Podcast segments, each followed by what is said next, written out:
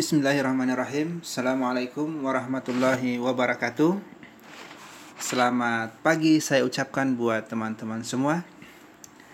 Baik, eh, pada hari ini Kita akan kembali melanjutkan kuliah online kita di mana kita akan membahas kelanjutan dari pembahasan sebelumnya. Di outline kontra kuliah kita di situ membahas bahwa di pertemuan keempat ini kita akan sedikit banyak menyinggung tentang perempuan dan kesetaraan gender. Baik, bicara tentang perempuan dan kesetaraan gender, lagi-lagi mesti kita pahami dulu apa itu gender yang saya kira teman-teman sudah banyak menyinggung di pertemuan-pertemuan sebelumnya. Kita juga sudah sedikit singgung di pertemuan pertama. Tapi tidak ada salahnya di pertemuan keempat ini karena kita konteksnya bicara tentang kesetaraan gender, maka memang perlu untuk mengulas kembali, untuk merepres kembali apa sih sesungguhnya gender itu. Sehingga pemahaman kita dalam memaknai kesetaraan gender antara perempuan dan laki-laki itu uh, bisa dipahami secara komprehensif dalam artian bahwa definisi gender harus kita fixkan terlebih dahulu sebelum masuk ke ranah pembicaraan tentang perempuan dan kesetaraan gender. Nah, seperti yang teman-teman sudah diskusikan di pertemuan sebelumnya, pada dasarnya konsep gender itu kalau secara definisi ya bicara tentang jenis kelamin. Sex difference, perbedaan seks antara laki-laki dan perempuan. Yang biasanya dilihat ya laki-laki itu cirinya jantan, perempuan itu eh, betina ya, ya atributnya sebagai uh, perempuan. Nah, di dalam sosiologi itu berbeda eh, definisi dengan secara bahasa atau secara etimologi. Kita ketahui bahwa uh, apa namanya? Gender itu konsepnya secara kultural ya berupaya membuat pembedaan atau distinction dalam bahasa Inggris dalam hal peran sosial. Jadi kita titik tekannya di situ kalau sosiologi. Termasuk juga perilaku, mentalitas dan karakteristik emosional antara laki-laki dan perempuan yang berkembang di dalam masyarakat kita gitu. Nah, untuk merepres kembali pemahaman kita tentang gender, saya ingin mengulas salah satu definisi yang saya kutip dari Encyclopedia of Sociology di mana dikatakan bahwa gender merupakan model hubungan sosial yang terorganisasi. Nah, di sini tekan-tekannya hubungan sosial yang terorganisasi antara laki-laki dan perempuan. Tidak hanya semata-mata hubungan personal atau kekeluargaan, tetapi juga meliputi institusi sosial yang lebih besar, seperti kelas sosial, hubungan hierarkis dalam organisasi, dan struktur pekerjaan. Di sini kita bisa memahami bahwa yang menjadi titik tekan dalam uh, mengkaji tentang gender adalah model hubungan sosial antara laki-laki dan perempuan. Ya, model-model ini yang kadang-kadang dalam perspektif uh, feminisme ya itu ada ketidakadilan sosial yang dirasakan oleh kaum perempuan bersebab hegemoni atau uh, superioritas ya dari seorang laki-laki atas perempuan. Nah, berkaitan dengan itu uh, kaitannya dengan uh, ulasan kita hari ini saya ingin memberikan beberapa pengantar ya dalam memahami uh, materi kita tentang kesetaraan gender itu sendiri. Apa perempuan dan kesetaraan gender dalam masyarakat. Pertanyaannya kemudian adalah mengapa sih penting untuk mempelajari konsep kesetaraan gender? Kalau sebelumnya kita banyak menyinggung tentang patriarki ya, kaitannya dengan bagaimana dominasi laki-laki atas perempuan, bagaimana kultur yang dibentuk oleh uh, kelas sosial laki-laki misalnya, yang kemudian uh, menjadikan perempuan tersisihkan. Nah, itu kaitannya dengan budaya patriarki. Tapi hari ini kita akan belajar tentang bagaimana itu kesetaraan. Sehingga pertanyaannya kita adalah mengapa penting untuk mempelajari kesetaraan gender itu sendiri. Nah, saya ingin memberikan beberapa poin tentang uh, kesetaraan gender ini, mengapa penting untuk dikaji. Uh, dengan mengutip tulisan atau uh, ulasan dalam bukunya Dr. Mansur Fakih ya yang berjudul Analisis Gender dan Transformasi Sosial saya ingin memberikan beberapa pengantar buat teman-teman bahwa ada beberapa faktor atau hal mendasar mengapa kajian tentang kesetaraan gender ini uh, penting untuk kita pahami apalagi sebagai seorang sosiolog ya kita bergelut dalam ilmu sosiologi ya. mesti memahami bahwa hal-hal semacam ini sering kita dapat di dalam kehidupan masyarakat kita. Dan itu menjadi kewajiban sosiolog untuk mengkaji itu. Termasuk memberi penyadaran kepada masyarakat ketika terjadi yang namanya ketidakadilan gender itu sendiri. Karena ya selama ini pemahaman kita perempuan itu tidak setara dengan laki-laki. Laki-laki itu eh, lebih hebat daripada perempuan. Hal-hal semacam ini yang kemudian kadangkala menjadi problem tersendiri dalam kehidupan masyarakat kita. Karena adanya konstruk sosial dan konstruk budaya, termasuk juga konstruk agama. Nanti kita akan bahas di uh, pekan depan di pertemuan-pertemuan berikutnya sesuai dengan outline kuliah kita. Oke, okay, uh, sekali lagi saya ucapkan selamat bergabung dalam perkuliahan online ini. Saya berharap teman-teman bisa menyimak dengan baik karena di akhir pertemuan nanti kita akan ada evaluasi menjawab beberapa soal pertanyaan. Nah, saya juga akan memberikan uh, salah satu artikel jurnal ya dari saya sendiri dan uh, mengambil beberapa apa mengambil jurnal dari dari Google Scholar sebagai Eh, tambahan bacaan teman-teman biar memahami ini uh, bisa lebih luas lagi pemahaman kita. Oke. Okay. Uh, eh, pertanyaannya tadi adalah mengapa kita penting untuk belajar perbedaan gender? Apa? Uh, kesetaraan gender. Ya, kurang lebih sama perbedaan gender atau kesetaraan gender ya. Karena karena ada ketidaksetaraan karena karena ada perbedaan gender akhirnya kita melahirkan yang namanya ketidaksetaraan gender atau ketidakadilan dalam relasi gender. Nah, saya ingin memberi pemahaman sedikit kepada teman-teman. Nah, mesti dipahami bahwa salah satu yang menjadi problem mendasar dalam membahas perempuan dan kesetaraan gender adalah Ini karena sering kali ada yang namanya ketidakadilan gender. Pola relasi antara laki-laki dan perempuan itu kemudian tidak terjalin secara seimbang, kurang lebih seperti itu. Nah, ketidakadilan gender ini termanifestasikan dalam berbagai bentuk ketidakadilan itu sendiri. Seperti apa? Ya, itu ada marginalisasi atau proses pemiskinan ekonomi bagi perempuan.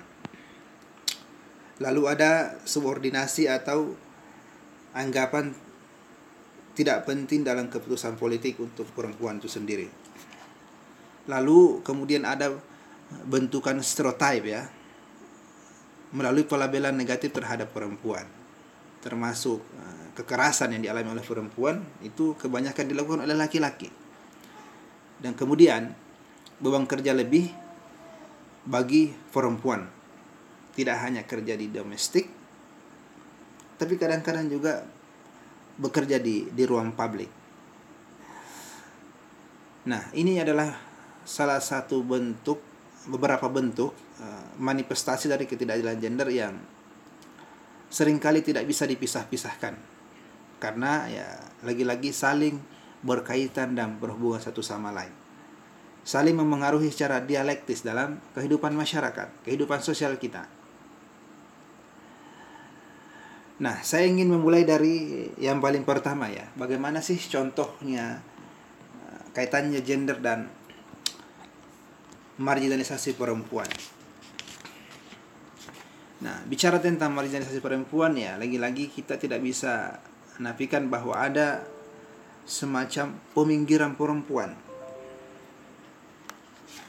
Peminggiran perempuan dalam arti bahwa ya sering kali dalam hal program pemerintah misalnya ya, kita bicara yang yang makro atau lebih luas. Dalam program-program pembangunan itu ya perempuan sering kali tidak dijadikan sebagai subjek pembangunan. Tidak juga dijadikan sebagai objek pembangunan. Kebanyakan yang menjadi sasaran itu adalah kaum laki-laki. Uh, saya ingin memberikan contoh misalnya uh, dalam kehidupan masyarakat, di dalam ke, kebijakan pembangunan misalnya Ya. Ini biasanya uh, karena ada uh, marginalisasi yang diperkuat oleh adat istiadat maupun tafsir keagamaan ya bahwa ya idealnya ideally yang memimpin itu ya laki-laki. Ia menjadi garda terdepan dalam beberapa hal ya mestinya laki-laki. Contoh yang paling ekstrim saya kira ya di beberapa suku di Indonesia itu ada beberapa suku yang tidak memberi hak kepada kaum perempuan untuk mendapatkan warisan sama sekali. Ini kan bentuk uh, marginalisasi perempuan dalam kehidupan sosial. Nah, ini sering kali ya berangkat dari tafsir keagamaan yang memberi hak waris setengah dari hak waris laki-laki terhadap kaum perempuan. Nah, saya ingin sedikit menyinggung tentang uh, kebijakan pembangunan yang seperti yang saya singgung sebelum uh, tadi. Di mana misalnya letak ada marginalisasi uh, perempuan dalam pembangunan. Jika kita kembali ke era Orde Baru ya dalam hal ini era kepemimpinan Presiden Soeharto ada salah satu program yang dikenal dengan uh, apa istilahnya revolusi hijau ya Green Revolution nah ternyata setelah dikaji ini program pembangunan pemerintah memang ya secara ekonomi setelah menyingkirkan kaum perempuan dari pekerjaannya sehingga ini memiskinkan mereka. Di Jawa misalnya ya, program revolusi hijau dengan memperkenalkan jenis padi unggul yang tumbuh lebih rendah dan pendekatan panen dengan sistem tebang menggunakan sabit ya ini membuat banyak perempuan yang kehilangan kehilangan pekerjaan. Ya akibatnya banyak kaum perempuan miskin di desa yang termarginalisasi. Yakni semakin miskin dan tersingkir karena tidak mendapatkan pekerjaan di sawah pada musim panen misalnya berarti ya program revolusi hijau ini dirancang tanpa mempertimbangkan aspek kesetaraan gender. Lalu yang kedua adalah bagaimana kaitannya dengan gender dan subordinasi misalnya sebagai problem mendasar juga. Ya, sebagai contoh saya kira kaitannya dengan kesetaraan gender ini. Ya, sering kali ada anggapan bahwa perempuan itu irasional atau emosional ya. Sehingga eh, perempuan tidak bisa tampil memimpin. Berakibat ya muncul sikap yang menempatkan perempuan pada posisi yang tidak penting. Hampir setiap lini yang harus memegang otoritas adalah seorang laki-laki Ya, subordinasi karena gender tersebut terjadi dalam segala macam bentuk ya. Di Jawa misalnya ini lagi-lagi kita konteksnya Jawa. Dulu ada tanggapan bahwa perempuan itu tidak perlu sekolah tinggi-tinggi. Bahkan mungkin juga di Sulawesi ada seperti itu. Kenapa ya? Toh akhirnya akan kembali ke dapur juga katanya. Bahkan ya pemerintah pernah memiliki peraturan bahwa jika suami akan pergi belajar atau jauh dari keluarga ya dia bisa mengambil keputusan sendiri. Sedangkan istri yang hendak ya, tugas belajar ke luar negeri misalnya ya mesti ada izin suami. Nah, dalam rumah tangga masih sering terdengar jika keuangan keluarga sangat terbatas dan harus mengambil keputusan untuk menyekolahkan anak-anaknya. Maka anak laki-laki akan mendapatkan prioritas utama itu sementara perempuan anak perempuan di nomor dua kan misalnya ya, ini karena ada uh, semacam uh, subordinasi atau uh, apa istilahnya praktik itu sesungguhnya berangkat dari uh, adanya kesadaran gender yang yang tidak adil ya semacam itu lalu yang kedua yang ketiga adalah gender dan stereotype Ya, stereotip itu secara umum dipahami sebagai pelabelan atau penandaan terhadap suatu kelompok tertentu ya. Ya, celakanya stereotip ini kadang-kala juga menimbulkan ketidakadilan gender.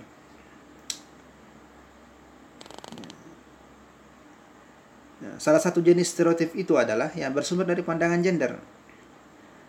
Kita saksikan bahwa banyak sekali ketidakadilan gender terhadap jenis kelamin tertentu. Ya, umumnya perempuan ya. Yang bersumber dari penandaan atau stereotip yang dilekatkan pada perempuan ini. Misalnya, eh, penandaan yang berawal dari asumsi bahwa perempuan bersolek adalah dalam rangka memancing perhatian lawan jenisnya. Nah, ini kan semacam negatif thinking ya terhadap perempuan. Maka setiap ada kasus kekerasan atau pelecehan seksual, yang selalu disalahkan itu ya perempuan. Ini kan ada stereotip bahwa seolah-olah perempuan itu memang mengumbar uh, bira apa namanya mengumbar uh, apa istilahnya godaan ya sehingga laki-laki kemudian tertarik. Padahal kalau kita mau uh, pikir secara kritis ya laki-lakinya juga salah karena dia ya menempatkan perempuan sebagai uh, objek kekerasan seksual padahal tidak semacam itu. Ironisnya lagi, bahkan jika ada pemerkosaan yang dialami oleh perempuan ya masyarakat kecenderungan menyalahkan korbannya si perempuan itu sendiri. Nah ini adalah problem-problem mendasar dalam kehidupan masyarakat karena ada stereotip terhadap uh, perempuan itu sendiri. Lalu yang keempat adalah uh, mengapa penting mempelajari uh, kajian kesetaraan gender? Karena ada problem antara gender dan kekerasan.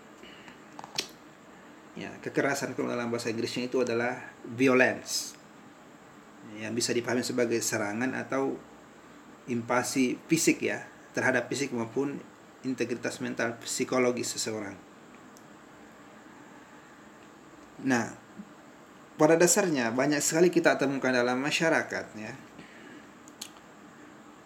kekerasan gender ini disebabkan oleh kita tidak setaraan kekuatan yang ada dalam masyarakat. Ya, banyak macam bentuk kejahatan yang bisa dikategorikan sebagai kekerasan gender, di antaranya itu ya nah, seperti itu tadi disinggung ada semacam pemerkosaan. Pertama itu ya bentuk pemerkosaan terhadap perempuan. Lalu yang kedua ya tindakan pemukulan dan serangan fisik yang terjadi dalam rumah tangga. Nah, ini biasanya Nah, dilakukan oleh laki-laki terhadap perempuan. karena merasa diri paling kuat, merasa diri memiliki otoritas tertinggi akhirnya dengan seenaknya dia melakukan tindakan kekerasan fisik ya atau pemukulan terhadap perempuan. Nah, ini salah satu bentuk problem dalam kaitannya dengan gender dan kekerasan. Lalu yang ketiga, bagaimana bentuk bentuk tersebut adalah penyiksaan yang mengarah pada organ alat kelamin ya. Saya kira ini banyak terjadi. Yang kaitannya dengan pemerkosaan juga tadi. Lalu yang keempat adalah kekerasan dalam bentuk pelacuran ya, prostitution atau kita sering dengar istilah PSK ya. Nah, ini saya kira pelacuran merupakan bentuk kekerasan terhadap perempuan yang diselenggarakan oleh suatu mekanisme ekonomi yang merugikan kaum perempuan. Mengapa dikatakan demikian? Ya tidak sedikit dibuka uh, apa istilahnya legalitas PSK ya. Contoh misalnya di Makassar itu ada yang namanya Nusantara ya. Dulu di Surabaya ada namanya Kampung Doli yang sudah digusur itu. Termasuk di Jakarta juga sudah digusur. Nah, kalau kita amati secara sepintas bahwa ternyata uh, pelacuran atau prostitusi ini itu banyak didominasi oleh perempuan. Nah, dengan dalih ingin mencari nafkah, ya, perempuan yang menjadi objek dari prostitusi itu. Padahal ini secara etika agama, secara etika sosial, secara etika ekonomi ya sesungguhnya tidak etis. Nah, ini yang kemudian menjadi problem mendasar juga dalam kaitannya hubungan antara laki-laki dan perempuan dalam kehidupan sosial ya. Nah, lalu yang kelima adalah kekerasan dalam bentuk pornografi. Ya, lagi-lagi ini pornografi sering kali perempuan selalu menjadi objek ya. Ya, kenapa dikatakan kekerasan kekerasan ya? Ini kekerasan non fisik ya. Ini ya pelecehan terhadap kaum perempuan di mana tubuh perempuan jadikan sebagai objek demi keuntungan ekonomi seseorang kalau kita amati itu iklan-iklan ya berapa banyak perempuan yang kemudian rela uh, membuka auratnya hanya untuk menjadi objek iklan gitu. Nah ini adalah uh, secara sosiologis atau secara setaraan gender ya ada ketidakadilan di sana. Lalu ya termasuk juga saya kira uh, tindakan kejahatan terhadap perempuan ya yang paling umum itu ya kekerasan seksual seperti kita singgung sebelumnya. Banyak kemudian perempuan menjadi korban karena tindakan kesewenang-wenangan yang dilakukan oleh kaum laki-laki. Oke, itu dari segi uh, gender dan kekerasan. Lalu yang terakhir adalah nah ini penting juga gender dan beban kerja ya yang menjadi problem ketidakadilan gender. Nah, saya kira ini penting untuk memahami ini sebelum kita jauh membahas tentang perempuan dan kesetaraan gender. Nah, problem mendasar dalam beban kerja adalah ya, sering kita dapati bahwa ada anggapan perempuan itu memiliki sifat memelihara dan rajin ya serta tidak cocok untuk menjadi kepala rumah tangga. Nah, akibatnya apa ya? Semua pekerjaan domestik atau pekerjaan di rumah tangga itu menjadi tanggung jawab kaum perempuan. Ya.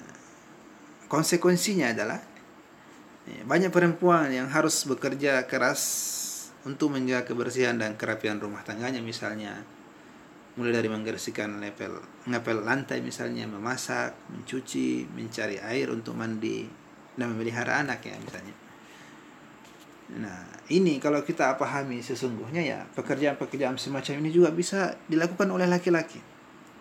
Yang namanya nyuci piring, yang namanya masak, yang namanya ngepel atau uh, apa istilahnya? mencuci mencuci pakaian misalnya. Ini kan bisa dilakukan oleh laki-laki. Sehingga karena selama ini kita menganggap bahwa kerja-kerja domestik itu adalah kerjaan perempuan, akhirnya ya itu seolah diambil alih semua oleh perempuan. Celakanya misalnya kalau misalnya perempuan juga kerja di ruang publik ya ada yang mungkin menjadi pegawai ada yang menjadi pegawai kantoran dan sebagainya ya. Akhirnya yang terjadi adalah beban ganda atau peran ganda perempuan ini tidak hanya kerja di ranah domestik atau di rumah, tetapi juga uh, bekerja di luar mencari nafkah. Akhirnya apa ya? Kalau kita mau hitung-hitung kalkulasi secara matematis, maka otomatis kerjanya si perempuan ini sebenarnya jauh lebih berat. Karena di samping mengurusi ya, kehidupan rumah tangga di dalam rumah, dia juga mengurusi mencari nafkah yang sesungguhnya itu tugasnya seorang laki-laki ya terlepas mungkin dua-duanya bekerja tapi ya lagi-lagi di sini kita butuh kesaling pemahaman antara peran dan tanggung jawab.